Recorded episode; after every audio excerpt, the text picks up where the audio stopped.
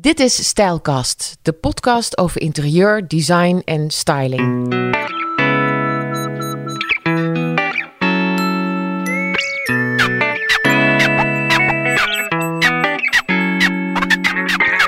Deze keer te gast Carlijn Kieboom. Zij was hoofdredacteur van VT Wonen en heeft sinds twee jaar een eigen interieurstudio in Haarlem. En daar ga ik haar ontmoeten.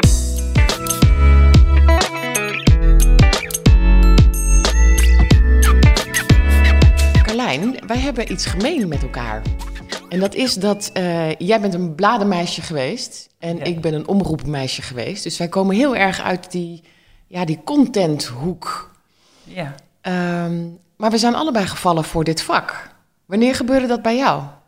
Nou, ik heb eh 15 jaar bij Sanoma gewerkt. En eh, allemaal in verschillende posities. Ik begon eerst in marketingfuncties. En toen ben ik eigenlijk heel snel, na twee jaar, ben ik richting de redactie geschoven. Maar eerst bij jongere bladen en toen ben ik nog naar Flair gegaan. En de laatste vijf jaar heb ik bij VT Wonen gezeten. En mijn vader was architect en mijn moeder zat ook in het interieur. Maar ik had dat nooit echt als een baan overwogen of iets in die sfeer. Nee? En toen Ook ik- niet gepusht vanuit je ouders? Nee, totaal nul. Nee, nee, maar ik heb, ben ik gaan studeren en ik heb communicatiewetenschappen gaan studeren. En dat ging goed, dus weet je, dat deed ik er gewoon bij. En daarnaast deed ik heel veel andere leuke dingen. Dus ik was nooit zo wel overwogen, maar ik vond het wel altijd leuk om sfeer te maken. Dus ik had altijd wel, ik woonde in een huis met veertien meisjes en weet je wel, mijn kamer was altijd sfeervol en gezellig en eigen. Dus ik was er wel altijd mee bezig. Dus ik heb nooit, weet je wel, geleefd op alleen maar pallets. En niet dat ik een high design kamer had, maar het was wel altijd met sfeer maken en ja, dat je zag van, die maakt er iets leuks van. En toen ben ik dus de laatste vijf jaar bij VT Wonen gaan werken. En daar, eh, nou ja, dat was ook best toen slapende, om het zo maar te zeggen. Daar, ja, dat was gewoon alleen een blad. En dat, ja, dat, verder was er nog niet zoveel. En toen is natuurlijk eigenlijk die hele ja, social media is opgestart. We zijn eh, met een online shop begonnen. De beurs werd de VT Wonen en Designbeurs. En we zijn op televisie gegaan, omdat Sanema toen SBS had overgenomen. Dus toen gingen we op zoveel podia content creëren. Dus ik was ook echt een volle bak meewerkend voorman. En toen ging ik zo aan en ik liet dus heel veel van mezelf zien. Want vroeger was dat veel afstandelijker, ook richting je, ja, je lezers of je, hè, wie waren wij. Dus ineens, hè, ik opende een Instagram-account en je zag ons op televisie. Dus mensen wisten ineens van, oh, wie is Carlijn en eh, hoe woont ze? Dus het, het, wordt heel, het werd heel persoonlijk. En daarmee ging ik ook natuurlijk steeds meer creëren. En ik merkte enerzijds hoe groter het werd, maar dat mijn hart echt aanging op dat creëren. En dat ik dat echt het allerleukste vond. Dus ondertussen heb ik ons huis eh, nog een keer, zijn we nog een keer verhuisd, helemaal verbouwd. En ja, gingen steeds meer mensen ook privé aan mij vragen, oh, kan je me niet eens helpen? En ik merkte dat ik dat eigenlijk... Ja, ik ben net als een, als je bijvoorbeeld een blad maakt, komt er echt iedere week of iedere maand heel concreet iets van een drukker. Dat ik heel zichtbare output wil leveren. Ja. En eh, ja, wat voor sommige mensen misschien heel lastig is, is voor mij altijd iets wat heel vanzelfsprekend is. En het, ja, dat gaat gewoon. Dus toen ik eh, eigenlijk met eh, het feit dat ik daar toen vijf jaar zat, het net aan het ophalen was, toen dacht ik, ja, ik ben nu 46, nu ben ik 48. Van wat ga ik nog hierna doen? Weet je, want ik, of überhaupt denk ik daar niet zo over na. Maar toen had ik wel. Had je het gevoel dat je de top had bereikt binnen Sanoma? nou, niet, maar ik bedoel, binnen Sanema zat ik wel natuurlijk bij een titel wat inhoudelijk helemaal mijn passie was, of is, en waar mijn hart sneller van gaat kloppen. Dus ik dacht wel van, ik had niet de ambitie om nog naar een libelle te gaan of eh, een magiet of iets dergelijks. Dus zeg maar op woongebied, kijk, heel veel titels zijn natuurlijk gestopt. Was het eigenlijk alleen nog maar VT Wonen wat er was. Ja. En, ehm, Maar je zou juist denken met jouw achtergrond, hè, de Ja. eh, marketing en communicatie, dat je aan was gegaan op het moment dat eh, eh, jullie op tv gingen, crossmediaal gingen, er Ja. zoveel op communicatiegebied gebeurde. Ja, ja, ook. Maar je ging, je ging vooral aan in jouzelf, zeg maar. Jouw vuurtje Ja, werd ook op het creëren. Ja, ja, Ja, want ik bedoel, ik zat ook zeg maar bij eh, de hele formatontwikkeling en hoe we dat dan deden. Maar dan dacht ik ook, ik wil ook meedoen, weet je. Dus het huis bijvoorbeeld op de woonbeurs ontwierp ik ook zelf. Ik vond het heel gaaf om zelf echt te gaan creëren. En natuurlijk met het feit dat iets groter wordt, krijg je ook steeds meer eh, ja, dat je alleen maar aan het managen bent. Ja. Dus eh, en, en ja, hard groeien gaat ook altijd achter de schermen, ook met heel veel spanningen, eh, zonder alle inhoudelijkheid. Dus op een gegeven moment kan je, ja, als ik dan een dag soms het net ophaalde, dacht ik, ja, ik heb alleen maar meetings gehad waar ik eigenlijk helemaal niet gepassioneerder wordt. Ja. Want ik ging heel erg aan op die inhoud. En eh, ja, op een gegeven moment, ja, veel content wordt aangekocht ook van de binnenkijkers. Ja, en de stylistes maken elke keer producties en dat vormt zich samen dan tot het hele blad. Maar ja, dat, op een gegeven moment is de stapel ook uh, zo hoog tot je heup dat je denkt, ja, dan weet stapel je dat. tijdschriften die ja, de stapel gemaakt. tijdschriften. Ja. En de Ja. beurs had ik vijf keer gedaan en toen ineens viel alles zo bij elkaar dat ik dacht, ja, maar als ik me dan nu in de toekomst zou zien en ik zou zeggen van, weet ik veel, je ziet iets op de gevel staan van Carlijn Kieboom Interior Design en je hebt je eigen ontwerpbureau, ja, dat, daar ging ik helemaal op aan. En toen dacht ik, ja, ik ben toch wel iemand die wat dat betreft niet zo'n geëikt pad heeft gehad. Want ik heb zeg maar communicatie gedaan. Ja. Toen heb ik nog eh NIMA A en B en C heel erg in die marketingfuncties. Dus ik heb het zakelijke wat ik goed kan. Maar ik heb zeker ook de creatieve kant die heel sterk is. En die moet echt gevoed worden, anders word ik heel ongelukkig. Hoe vonden jouw ouders dat, dat je deze richting op bent gegaan? Ja, heel leuk. Ja, Ja. mijn vader leeft al twaalf jaar niet meer. Maar eh, ik voel aan alles, dit is wel, dit is gewoon wie ik moet worden, zeg En maar. dat vindt jouw moeder ook? Ja, ja, Ja? absoluut, 100%. Ja, dus het voelde voor mij eigenlijk bijna van ik had geen andere keus meer dan dat dit weer een vervolgstap zou zijn. Ik heb nooit, ook in de voorgaande functies, eigenlijk langer dan vier of vijf jaar exact dezelfde functie gehad. Dus iets zeg maar in precies dezelfde setting. Ja, dat, ik, ik hou gewoon heel erg van veranderen. En één kan het onrustig noemen, maar dat past bij mij. Ja. Ik ga ook niet elk jaar naar dezelfde mm, locatie op vakantie. Ik, het feit eh, dat we nu in een heerlijk huis hier wonen. En als je nu tegen me zegt, maar joh, hier gaan jullie nooit meer weg. Nou, dan Ja. word ik heel ongelukkig om het zo maar te zeggen. Dus ik vind het leuk om te blijven bewegen. En En dat bewegen zit hem wel in dat je nu een eigen studio hebt, al een poos. ja, En, en dat je elke keer andere opdrachten krijgt. ja, ja. En dat, dus dat heb- is voor jou voldoende bewegingsruimte, zeg nou, maar. in ik ben leven. nu, kijk, door het feit dat je zelf gaat ondernemen, komen er ook heel veel facetten weer op je pad. Die ik eh, natuurlijk eigenlijk toen, om ik altijd, toen ik in loondienst was, helemaal niet kende. Dus dat begon al bij eh, naar de KVK gaan, eh, je belastingaangifte doen. Weet je, hoe, hoe je met partijen omgaat, hoe je met een aannemer werkt, hoe je met, eh, weet je, als suppliers werkt die allemaal derde eh, dingen inbrengen. eh, met meubelmakers, met winkels waar je afspraken mee maakt. Ja, dat is ook weer een heel nieuw deelgebied voor mij. Ja. Dus wat dat betreft is mijn leercurve de afgelopen twee jaar gigantisch geweest. ja, Dus dat was voor mij weer heel erg nieuw. ja, En nu voel ik wel van, ik, hè, de, de ene eh, projecten zijn groter dan de ander. Ik heb bijvoorbeeld nu drie hele grote verbouwingen gedaan. Nou, daar merk ik ook van, dan kan ik er niet eh, even zes naast elkaar draaien.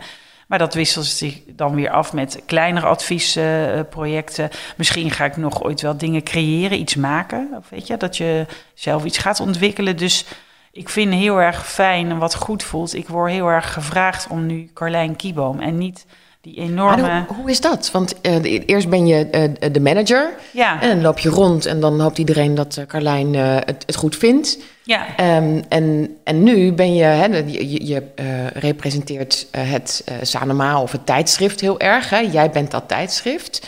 Maar nu moet je het in je eentje doen. Nu, Ja. nu ben jij het. Nee, maar Hoe- dat, hoe ik dat? denk wel door de opgebouwde, ja, ja, toch je ervaringen en alle projecten die je hebt gedaan. Want ik had zeg maar ook eh, heel veel, eh, ja, ik heb een aantal programma's toen gedaan waar ik ook zelf als ontwerper eh, ten in verscheen. En op die woonbeurs en een, aantal verbouwingen dat ik toch ja, langzaam nu, als ik het net ophaal, heb ik best is mijn rugzak al goed gevuld met bewezen succes. En als ik dan nu na twee jaar denk van ja, ik heb drie mega verbouwingen, zelfs een stel die in het buitenland woonde, die helemaal de verantwoordelijkheid van een rijksmonument bij mij hebben gelegd. Ehm, zeg maar, dus die drie zijn echt waanzinnig. eh, wat dan trajecten waren van negen maanden eh, blij en eh, helemaal over de moon met hoe het allemaal is gegaan.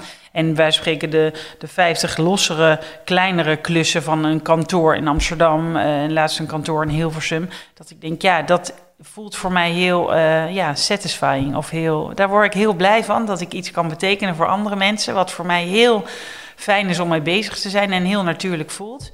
Ik zeg een beetje als metafoor, als jij niet kan koken en je zegt van, eh, oh, er komen vanavond tien mensen eten. eh, weet je wel, wil je heel groots uitpakken of wil je, komen ze gezellig door de week of eh, mag het een, iets heel, weet je wel, Jamie Oliver-achtige dingen zijn. Als je niet kan koken, dan kan je daar echt stress van hebben, omdat je gewoon geen idee hebt hoe je dat moet fixen. En zo is het ook een beetje, denk ik, met huizen en huizen verbouwen en sfeer maken en inrichten. Als je, heel veel mensen willen het wel, maar die kunnen het gewoon niet, omdat ze het niet weten. En ze weten ook niet waar ze moeten beginnen. Ja, Dus als je die mensen zeg maar een helpende hand dan kan bieden en heel erg fijn met ze klikt. Want het is uiteindelijk allemaal heel subjectief natuurlijk wat je maar doet. dat zijn wel de allerfijnste klanten die ja, zeggen... maar ik, ben, ik ben ook wel heel maar. erg op energie. Dat ik voel van als ik iemand spreek, weet je wel, voordat ik ergens een opdracht doe, heb ik altijd een intake. En dan moet ik even ook een klik voelen. En die is er meestal wel. Maar als ik bij wijze van spreken voor die hele grote projecten, die zijn toevallig dan, of niet toevallig, maar dat waren ook hele fijne ja, klanten eigenlijk. Eh daar komt ook een soort vriendschap uit voort. Bijna omdat je zo dicht bij iemand mag komen, dan voel ik wel dat dat een goede chemie moet zijn om het te kunnen laten slagen. Ja, Als ik daar denk, ja, oeh, dit, dit is niet mijn manier van. Want ik ben ook gewoon heel positief. Dus ik zeg elke keer, hè, bij vooral die grote projecten. Natuurlijk, voor veel mensen is verbouwen en verhuizen. En dat soort grote bedragen eh, geeft heel veel stress. Want ze moeten heel veel keuzes maken. En iedereen Ja. wil de goede keuzes maken. ja en gaat ik nog zeg, wel ja, eens wat mis. ja, dus de, de, de, de stressfactor is voor heel veel mensen enorm. Dus ik zei, luister, met dit soort projecten ook aan de start van... Dit is zelf opgelegd werk. Er zegt niemand hier dat jij moet gaan verhuizen, verbouwen, dat jij je hele huis opnieuw moet inrichten. Dus het is gewoon pure luxe. Dus laten we hier gewoon een feestje van maken. En dat haalt wel, omdat ik, dat merk ik, omdat ik natuurlijk al zo lang en in teams en ook teams heb aangestuurd. Ik vind het met mensen dus heel leuk. Ja. Dus ik kan heel snel een beetje de angel eruit halen. Dat ze uiteindelijk Ja. denken, ja, maar ze heeft ook wel helemaal gelijk, weet je wel. Waarom? Maar jij voelt dan ook niet de druk op jouzelf verschijnen. Nee, omdat ik, ik ben van, van nature ben ik een heel eh, ja, opgewekt, eh, positief iemand... die eh, inderdaad wel met heel veel zelfspot ook goed kan relativeren. Dus Ja, ik denk en elke keer, we gaan niet Ja. huilen om... als de kleur op de muur verkeerd geschilderd is. Of, weet je wel, er is altijd een oplossing. We zijn hier, ik- dat zei ik vroeger op de redactie ook altijd... Ik zei, we zijn hier geen vluchtelingen aan het redden of mensenlevens, weet je. Ik bedoel, Ja.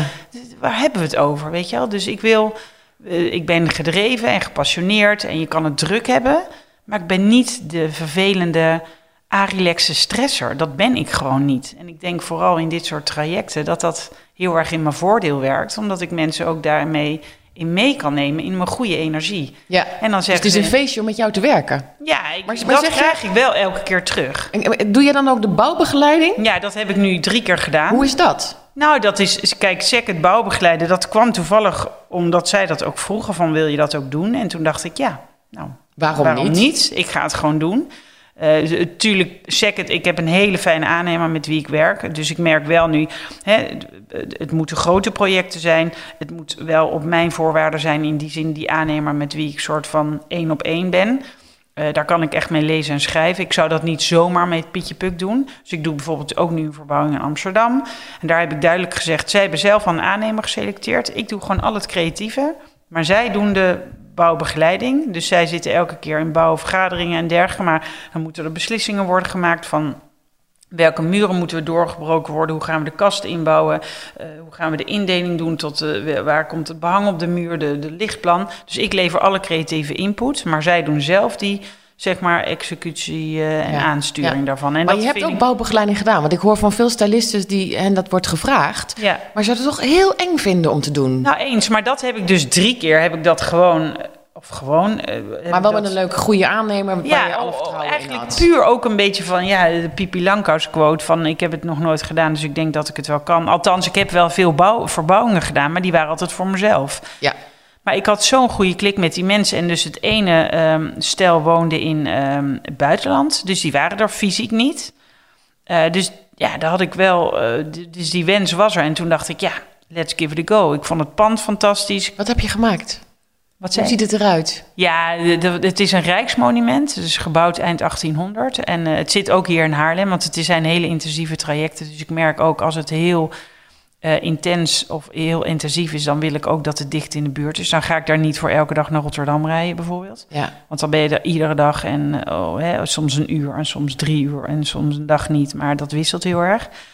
Dus dat was wel, ehm, in die zin heeft dat heel goed uitgepakt. Ehm, Je kon op je fietsje even naar het Rijksmonument. ja, ja. Kijken wat er ja, en gebeurde dat en is gewoon ging. geweldig. Ik bedoel, dat zijn natuurlijk huizen waar dan eh, in dit geval 65 jaar niks aan gedaan is. Ja, als je de foto's voor en na, het is gewoon een make-over tot de macht 10. Staat die op je site? Ja, ik ga hem nu. Ja? Ik heb een, nou, of nee, deze twee, want ik heb er nu twee afgerond. Ik heb ze net gefotografeerd. Want je had natuurlijk, en toen in corona heb ik ze allebei afgerond, of in die periode. Want de een is verhuisd toen in mei en de ander in, eh, in juli. Toen was het even vakantie. Dus ik, toevallig gisteren heb ik de ander gefotografeerd. Ja, en als je nou dan nog de Funda-foto's daarnaast legt, hoe het was. ja. En dat was ook een beetje wat makelaars zeiden van... oh, je moet hier wel zin hebben om hier aan te beginnen. Maar het is Oh, maar dan geweldig. juist Ja, vind ik het maar leuk. het is echt een Uber. Als je het ziet, on, onherkenbaar. En dat vind ik wel heel gaaf. En, Dat is- dat en die vind ik heel mensen, mooi- en ik bedoel, ik heb met die mensen gegeten en ze hebben zelfs een lied voor me gezongen. Ze zijn Oh. zo blij en ik, ja, ik ga daar helemaal van stralen. Ja, Dus ik vind dat heel leuk. En nu denk ik, ja, tjak tjak, die kan je gewoon mooi in je pocket steken. Dat heb je toch maar wel gefixt, Carlijn. En dan ben ik, denk ik, ja, ik vind dat... En zo eh, is dat eigenlijk tot op heden, is al het werk... Ja, het klinkt misschien heel arrogant, maar zo bedoel ik het totaal niet. Ik denk altijd van, ik wil niet zoeken. Want dan ga je zeg maar je blik, eh, als het ware, eh, vernauwen. Dus ik wil gewoon breed open blijven staan, weet je. Dus ik... eh, ja, toen ik ook zei van eh, ik ben gestopt bij VT, ik zei ja, ik ga voor mezelf beginnen. Deze twee hebben me natuurlijk ook, of die drie mensen, ehm, die drie grote projecten die je hebt gedaan. in mijn, het is eigenlijk wel via mijn eigen netwerk. Die eh, hoorden dat. En ja, toen heb ik natuurlijk wel een mooi voorstel gemaakt, et cetera, hoe je dat aan moest pakken. Want ze, ja, je moet het wel, hè, je kunt niet als soort vriendendienst zeggen, nou, eh, doe maar wat. Want daarvoor zijn het te grote projecten en Ja. gaat het om veel te veel geld. Maar ehm er zit natuurlijk dan ook een gunfactor in. Dus mensen moeten je dan ook dingen gunnen. En dat Maar je zegt, je wil, je wil je blik verbreden? Nee, dus nee, om even aan te geven. Nee, toen, toen, zeg maar, die grote projecten, die kwamen toen eigenlijk ook ineens, of ineens, die kwamen zo op mijn pad, terwijl ik daar ook niet hard op zoek naar was. Begrijp je wat ik bedoel? Ja. Het is meer op een gegeven moment ga je, eh, ga je bij wijze van spreken staan en je gaat denken of, of uitspreken van, dit is waarvoor je mij kan bellen. Of dit is waar ik, hè, wat ik wil. Eh, en dan geloof ik toch, als je dat via via en tegen mensen gaat zeggen. En het, de mond-tot-mond reclame is natuurlijk het allermooiste wat je kunt hebben. Zo krijg ik ook heel veel andere opdrachten. Want ik heb nu gewoon een track record van heel veel kleinere en dus drie hele grote opdrachten. Dus er komen weer mensen bij en thuis zeggen: Oh, wie heeft dit gedaan? Of wie heeft jullie geholpen? Ja, dat heeft Carlijn gedaan. Nou, oké, krijg ik weer een belletje. Ja, Carlijn, ik was bij die en die.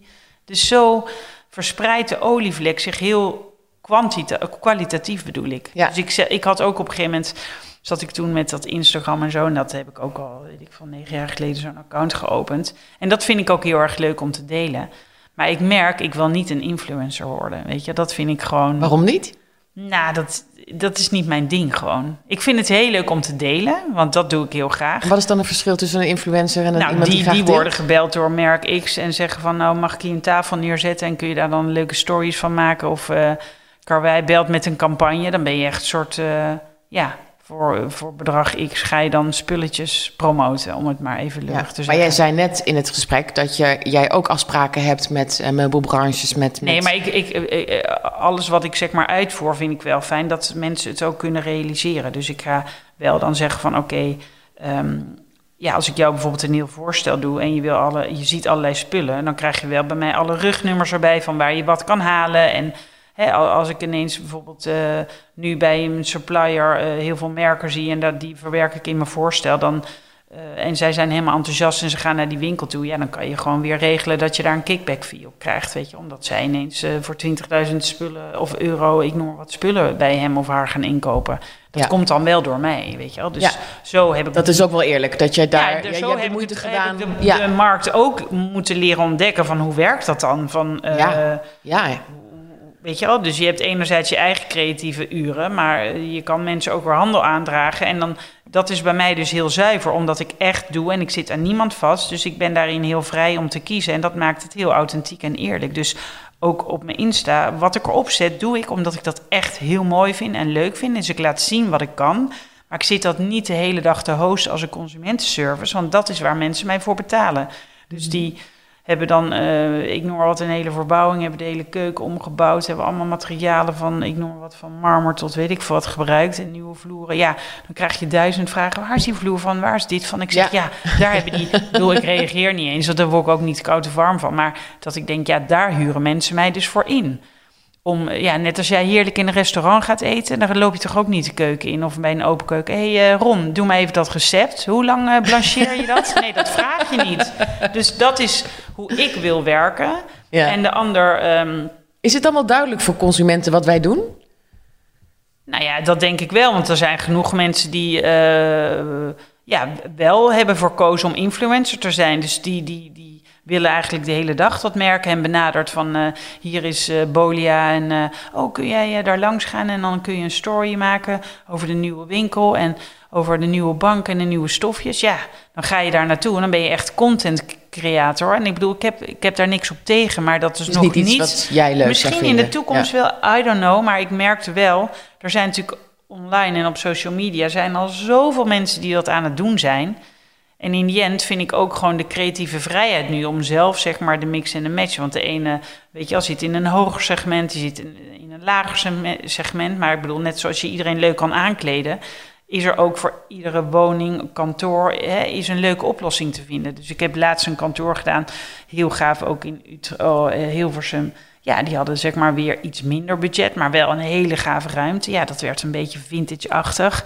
En wij spreken ga je langs kringloopwinkels en... Uh, kun je daar ook nog hele gave dingen scoren. Dat is weer heel anders dan een kantoor wat ik had gedaan in Amsterdam, wat gewoon wat strakker moest zijn. Wat, weet je wel, uh, ja, met... Uh, was gewoon een, was meer een vastgoedbranche waar het in zat. Ja. had je last van, van jouw VT wonen in Mago? Nee, maar ik merkte dat wel. Is wat jij kan. Nee, maar ik bedoel, ik vind het begrip ook van ja, een VT woonhuis. Weet je wel, niet om dat nu af te doen, maar ik vind gewoon eigenheid heel belangrijk. Dus ik mhm. vind, ik voel me heel prettig bij het feit dat ik gewoon aan wordt gesproken en wordt gezien als Carlijn, weet je wel? En niet Carlijn van VT Wonen. Dus overal soms, bij spreken stond ik bij de bakker of de slager... of zat ik een keer in een vliegtuig, kwam een stewardess naar je toe van... Oh, je bent toch Carlijn Kieboom van VT Wonen? En dat is super leuk en positief. Maar ik dacht, als ik dit nog tien jaar doe... dan, dan ben ik zo'n levend geworden VT Wonen mevrouw. Voor wat het is, hè. Maar ik merk gewoon in mijn creatieve zijn dat ik heel graag mezelf wil zijn en mijn eigen stijl wil overbrengen. Uh, of mijn eigen stijl, mijn eigen creativiteit. In plaats van dat dat onder een groot merk hangt, als het ware. Ja. Dus uh, laat ik het zo zeggen, ik zou het morgen weer doen. Maar voor mij zat hier een houdbaarheid aan. En heeft me het ook heel veel gebracht om vervolgens zeg maar de stap te maken van en nu ga ik het voor mezelf doen.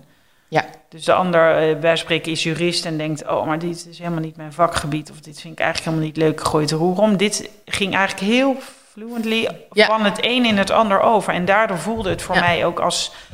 Ja, ik, dat ik dat zo graag wilde ontdekken en onderzoeken hoe dat zou zijn. En ik merk gewoon dat ik daar, uh, ja, op een gegeven moment dan op aangeraakt word. En dan wordt het zo'n ding. En dan kan je elke keer denken: het is er niet, het is er niet. Maar dan ga je eromheen lopen. En op een gegeven moment denk je, ja, maar ik moet het gewoon gaan je moet proberen. Het doen. Ja, het is ik jouw moment. Niet, uh, ik werk niet nog drie jaar. Uh, en natuurlijk in dat creatieve vak zijn heel veel mensen die zelfstandig werken. Maar het is ook eigenlijk een beetje vreemd hè, dat wij in ons leven denken dat we uh, één beroep hebben of ja. één ding goed kunnen. Ja, ik maar ik bedoel, voor hetzelfde geld zou ik uh, heel leuke, uh, weet je, nog podcasters bij op. Ik bedoel, ik, ik Ga je mee podcasten? Ja, Zullen nou, we samen gaan podcasten? Ja, nee, maar dat, het zijn wel heel veel leuke dingen. En ja? ik merkte laatst toen bij dat Boost Your Interior Business, dat ik ook, uh, toen zat ik gewoon achter een scherm en toen waren er wel iets van, weet ik, van 600 mensen die meekeken. Ik zag ze natuurlijk niet. Toen zat ik ook heel eerlijk te vertellen van, hè, ook over je onzekerheden. En tuurlijk heb ik af en toe ook dat ik denk, oh mijn god, wat heb ik gedaan? Maar het enige waarom ik het niet zou uh, hebben durven doen, is puur uh, dat je ineens denkt, oh maar hoe gaat het dan? Krijg ik wel opdrachten? Is uh, het rationele, het financiële, dat je denkt, ja maar krijg ik dan wel opdrachten? En, maar terwijl je hart zegt dat je het wil. En toch, ja, zo wil je ook hè, naar je kinderen zijn, van volg je hart. Dat ik denk, ja, ja, dan ga ik wel allemaal tegen anderen zeggen van... Ah, volg je hart en doe wat je leuk vindt ja, en waar je en passie blijf zit. zitten. En dan denk ik, ja, en zelf heb ik diep ook zo'n uh, verlangen. En blijf ik maar zitten waar ik zit en verhoor je niet, weet Ja. je. Van, van, ja, en daarvoor voel ik me... Ik bedoel, er zijn- waren ook nog andere mensen die... eh, Misschien dachten, of hè, die wat ouder al waren en die denken van, nou, ik heb nog vier, vijf jaar te werken. En dan begrijp ik heel goed, weet je wel, eh, dat je dan eh, zegt, nou, ik blijf hier gewoon zitten. Maar ik voel ook helemaal Maar dan niet kun je er ook alsnog een hobby naast doen. Ja, Hè? Het, hoeft niet allemaal... eh, Nee. Weet je wat ik me afvraag? Eh, want ik heb natuurlijk ook die hele ommezwaai gemaakt van media naar eh, interieur. Ik heb echt moeten leren tekenen. Ja. Hoe doe jij dat? Nou, dat tekenen is op zich. Ik ben ook nog steeds meer. eh, Eigenlijk, ik zit ook altijd te worstelen met dat SketchUp, weet je. Ik ben nou helemaal niet Ja, goed dat in. computerprogramma. Dat computerprogramma. Ja, ja. En Iets in mij stelt dat elk jaar als doel van. Oh, dat wil ik eigenlijk heel goed leren. Eh, Dat, ik ben wel, ik kan heel makkelijk tekenen. Dus gewoon met de hand, met potlood. Dus ik schets heel veel. Dus ik twijfel nooit aan mijn inhoud. En ik heb bijvoorbeeld een aannemer met wie ik heel fijn werk. En dan maak ik wel gewoon platte plattegronden. Dus ik weet altijd de inhoud, bijvoorbeeld ook met lichtplan. Ik weet precies van daar moet er één, daar moet er in. Zo gaat het licht, tak, tak, tak. Weet je, dus Ja. de inhoud twijfel ik nooit aan. Maar dan moet het in zo'n heel Ja, technisch raamwerk juist. met allemaal vakken en dingen.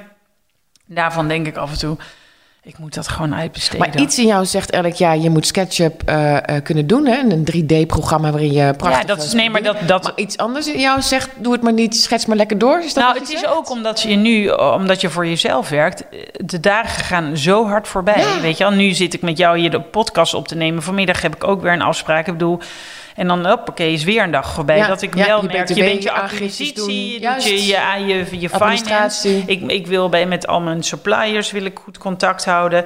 Ja, de, de, dus ook de executie, dat ik soms red ik het gewoon niet in tijd. En dan ga je wel, als ik dan het net ophaal wat, wat ik het beste kan, dan denk ik, ik ben heel goed in, in een acquisitie of hè, acquisitie, eh, de plannen maken en het bedenken.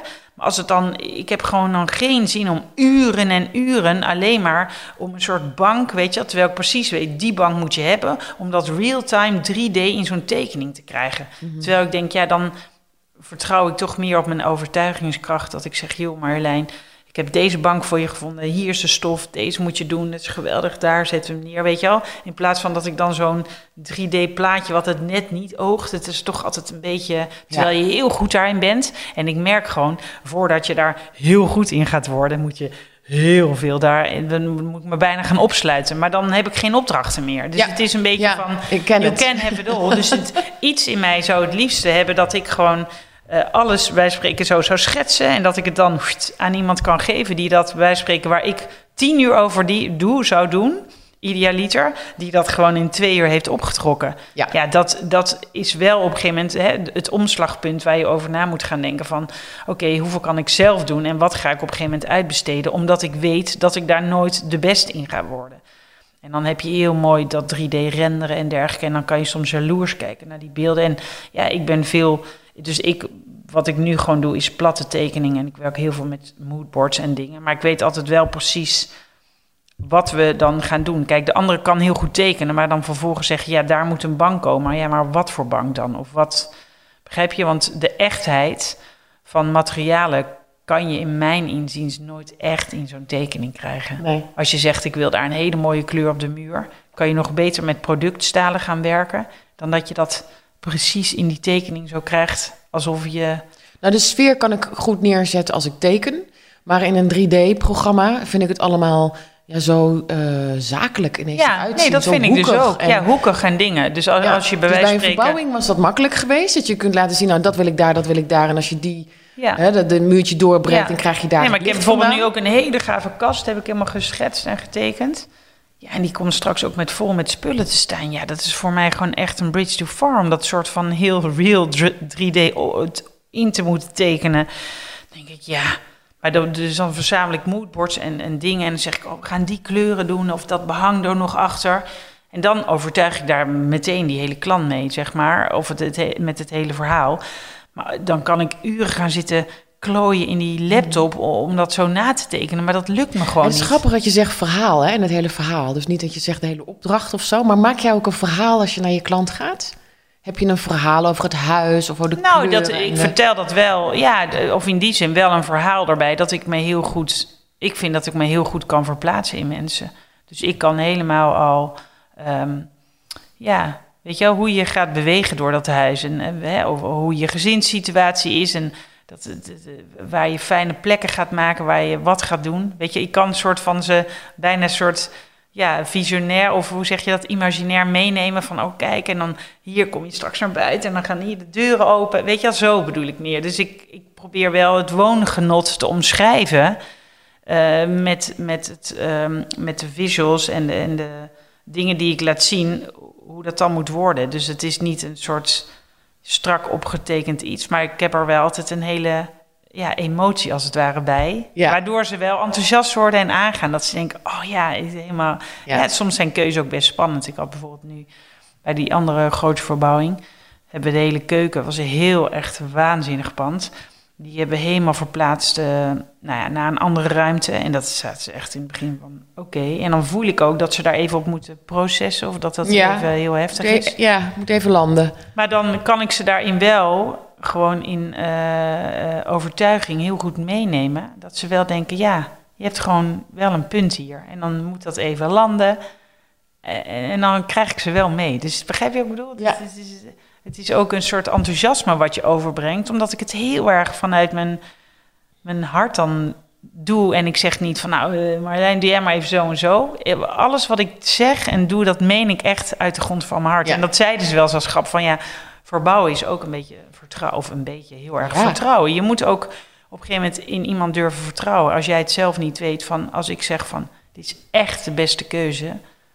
Dat ze gewoon denken, ik vertrouw jou. Ja, dan is dit de beste keuze. Of er even over nadenken. Tuurlijk, ze moeten het zelf, want zij, de klant betaalt het en, en die, het wordt hun huis. Ik heb ook nooit de ambitie om te zeggen, het wordt een Carlijn Kieboomhuis. Maar ik bedoel, ik hou helemaal niet van die trucjes of dat het overal... Wat zijn dat trucjes? Nou, trucjes dat het overal zo hetzelfde... Het wordt al zo snel zo'n eenheid. Ja, ja zo'n handtekening als stylist. Ja, ja. tuurlijk. Kijk, uh, je hebt uh, zoveel merken, dus links of rechtsom zal je altijd toch wel een signatuur hebben. En de ene zit heel erg op alle um, felle kleuren of op pastellen of, die doet het zo. Maar ik hou toch wel altijd, probeer altijd wel toch originaliteit erin te vinden. Of al is het in het pand zelf dat we een soort hele gave dingen bedenken of dingen op maat laten maken. Dat ik denk, ja, dat kan niemand nadoen. Dat vind ik eigenlijk het allerleukste. Ik heb een tijdje met, uh, bij een aannemer gewerkt in de afgelopen zomer.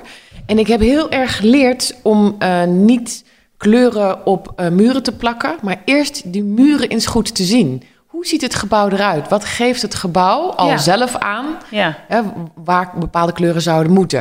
En natuurlijk lichtinval, et cetera. Maar ineens merkte ik dat ik veel beter oog kreeg voor bepaalde hoekjes of um, een raam dat er juist uitsprong doordat ja. ik het zwart heb geverfd. Ja. En dan ineens was het, het, het doorkijkje, dat was je naar buiten keek, was het net een soort um, schilderijtje. schilderijtje. Ja, ja.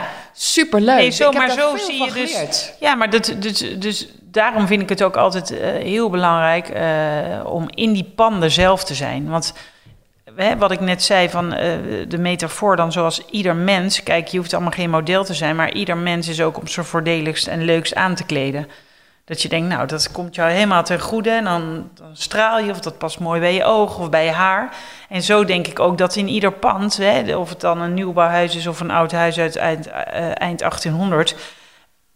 Je moet kijken ook wat bij dat pand past. En zo kun je in ieder pand kun je wel dingen benoemen dat je denkt, ja, maar dit is hier heel fijn. Of dit moet je hier eruit laten Zelfs in een nieuwbouwhuis. Ja, nou natuurlijk, eh, intrinsiek hou ik ook meer van oude huis, omdat het veel meer sfeer en karakter geeft. Maar ik bedoel, in een nieuwbouwhuis kan je dan weer um, ja, andere elementen toevoegen om dat sfeervolle en dat, dat, dat is ook weer dat karakteristieke, wat je heel erg bij spreken in overdaad hebt, net als in mijn huis hier. Kijk, die hele gang al, wat daar aan soort lambrisering en tegels tegen de muur zat. Ja, als ik zo'n tegel zou voorstellen voor een verbouwing, zou iedereen denken, ja, dag, dat gaan we echt niet doen. Maar het feit dat dit dus origineel er al in zat, uh, geeft ook weer heel veel sfeer. En daar kan je dan weer iets moderns tegenover zetten. Ja, ja. Dus dat is persoonlijk. Kijk, en dit huis kraakt en piept en is gehoorig. Maar ja, dat is dan de prijs die je ervoor over... of de, de dingen om in een oud huis te wonen. Terwijl, ik ja, vind het helemaal niet gehoorig. Nee, maar dat is maar wel... er is ook niemand. Nee, nee, nee, precies. Maar dat, zo, die oude huizen, trust me, die zijn heel gehoorig. Maar dat geeft ook weer een bepaalde sfeer mee. En als jij in een nieuwbouwhuis is waar alles gewoon beton aan de bovenkant en aan de onderkant... ja, dit is gewoon één groot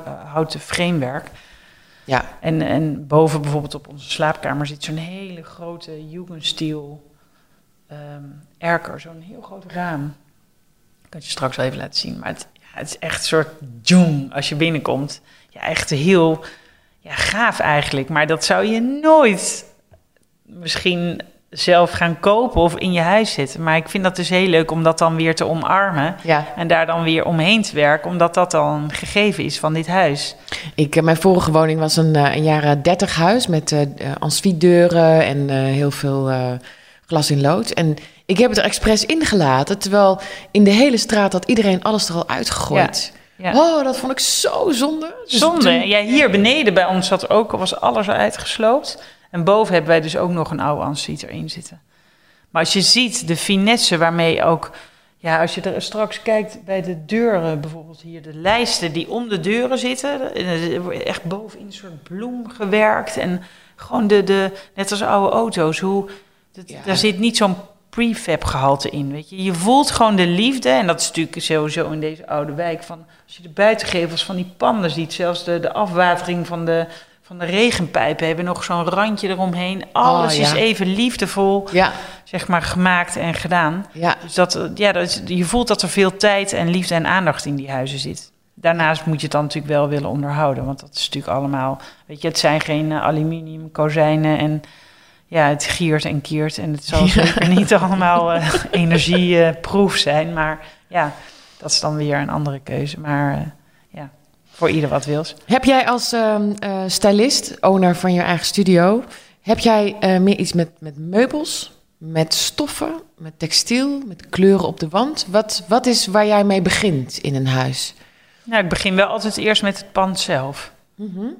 Of gewoon wat je, waar we het net over hadden, Ja. over de lichtinval van, oh, hoe, hoe, een beetje dat feng shui, hoe ze het vroeger noemen. Hoe voelt deze ruimte? Wat, wat, eh, vroeger, bij wijze van spreken, al die keukens zaten vroeger eh, altijd in de kleinste ruimte in die grote panden. Omdat dat, hè, dan doen we de deur dicht, dat hoef je niet te zien. Nou, nu hè, kan ik wel eerlijkheidshalve toch zeggen dat eigenlijk iedereen het begint en eindigt in de keuken ongeveer. Weet je wel, dat is toch de ruimte waar iedereen de meeste leefcomfort Ja. wil hebben. Omdat dat, hè, niemand, laat zei ook weer iemand van, ja, maar we hebben zo'n zithoek en we gaan er nooit zitten met vrienden. Toen zei ik ook, ja, maar hoe leuk je zithoek ook is, dat is gewoon niet zo. Je gaat niet met vrienden in je zithoek zitten. Dat, misschien komt dat ooit weer terug of zo in een zitkou, maar...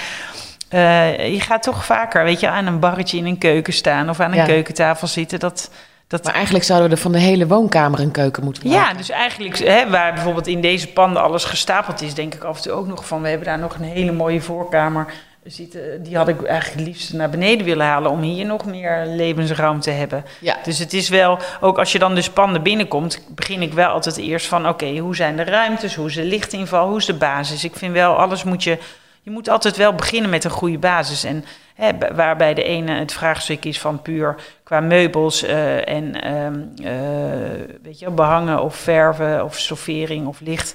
Kan het bij de ander zijn dat je al denkt, ja, maar met deze plavuizen vloer kunnen we beginnen wat we willen, maar dit wordt hem niet. Dus je moet eerst een andere vloer erin gaan leggen voordat jij hier echt weer een vervolgstap kunt maken. Dus ik begin wel altijd van, weet je wel, begin bij de goede basis. Dus de- ja, dat, hè, een, een mooie vloer, als hier hele lelijke ongezellige plavuizen hadden gelegen, ja, dan kan je stylen wat je wil en sfeer maken, maar dan blijf je daar tegenaan hikken.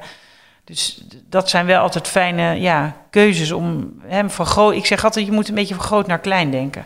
Dus ik bedoel ook bij die verbouwingen, ja, niet elk traject is misschien of eh, fase is de leukste fase, maar eh, ook voor je lichtplan en zo zorg dat je wel daar goed over na hebt gedacht. En straks komt het esthetische en dan ineens, weet je, dan zitten de kleuren op de muur en dan er wandlampjes tegen de muur en dan tjing, dat is natuurlijk heel anders dan hè, de eerste fase van strippen bijvoorbeeld en alles in de muren frezen, maar dat is wel nodig om het goed te maken. Ja, ja. Dus ehm, ja. ja. En ver van tevoren alles hebben uitgedacht. Ja, dat je dus eigenlijk zit ik van, ja, begin met een goede basis en denk van groot naar klein.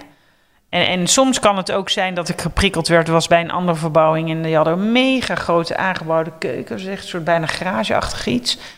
Toen dacht ik ook, hier moet een barretje of zo in. Toen was ik bij een soort sale en toen vond ik echt waanzinnige barkrukken, want dat is ook nog best wel lastig als je, die waren ook wel een beetje van oud met nieuw combineren.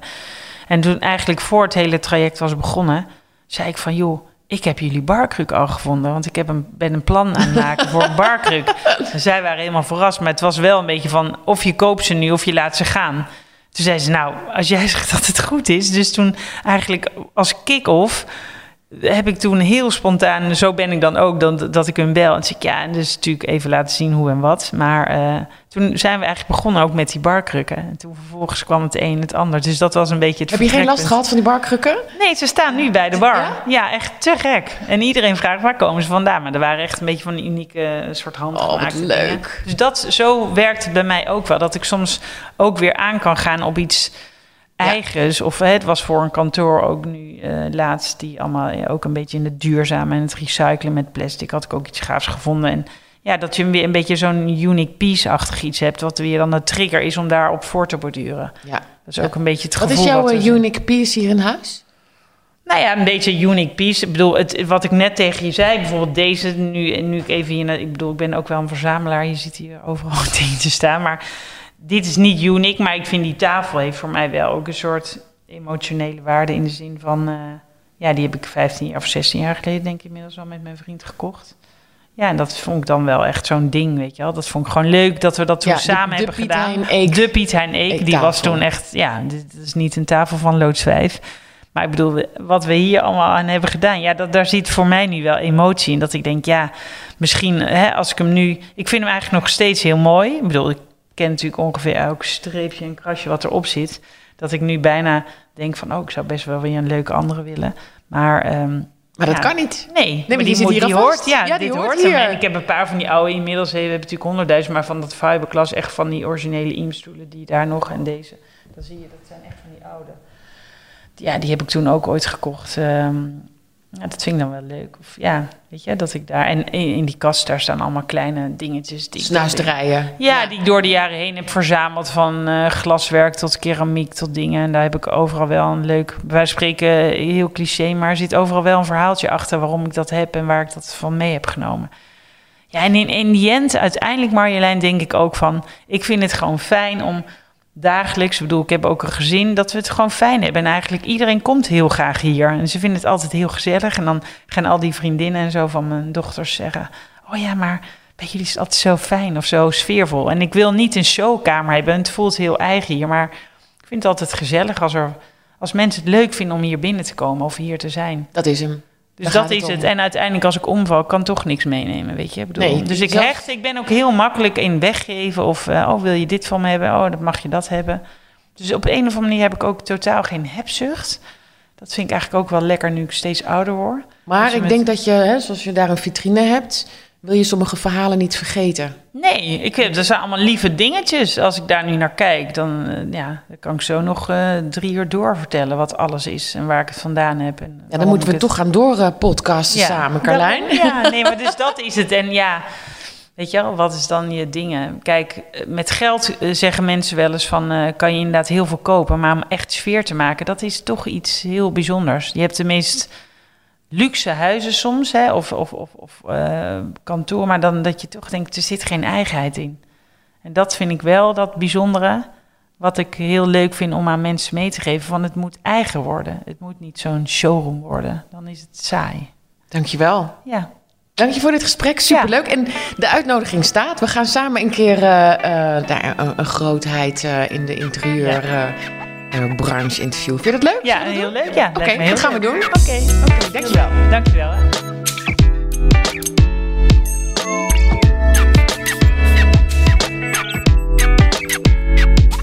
Dit was Stijlkast. Kijk voor informatie op stijlkast.nl of als je het werk van Carlijn wil zien op carlijnkieboom.nl. En eh, ik spreek je volgende keer weer. Bye.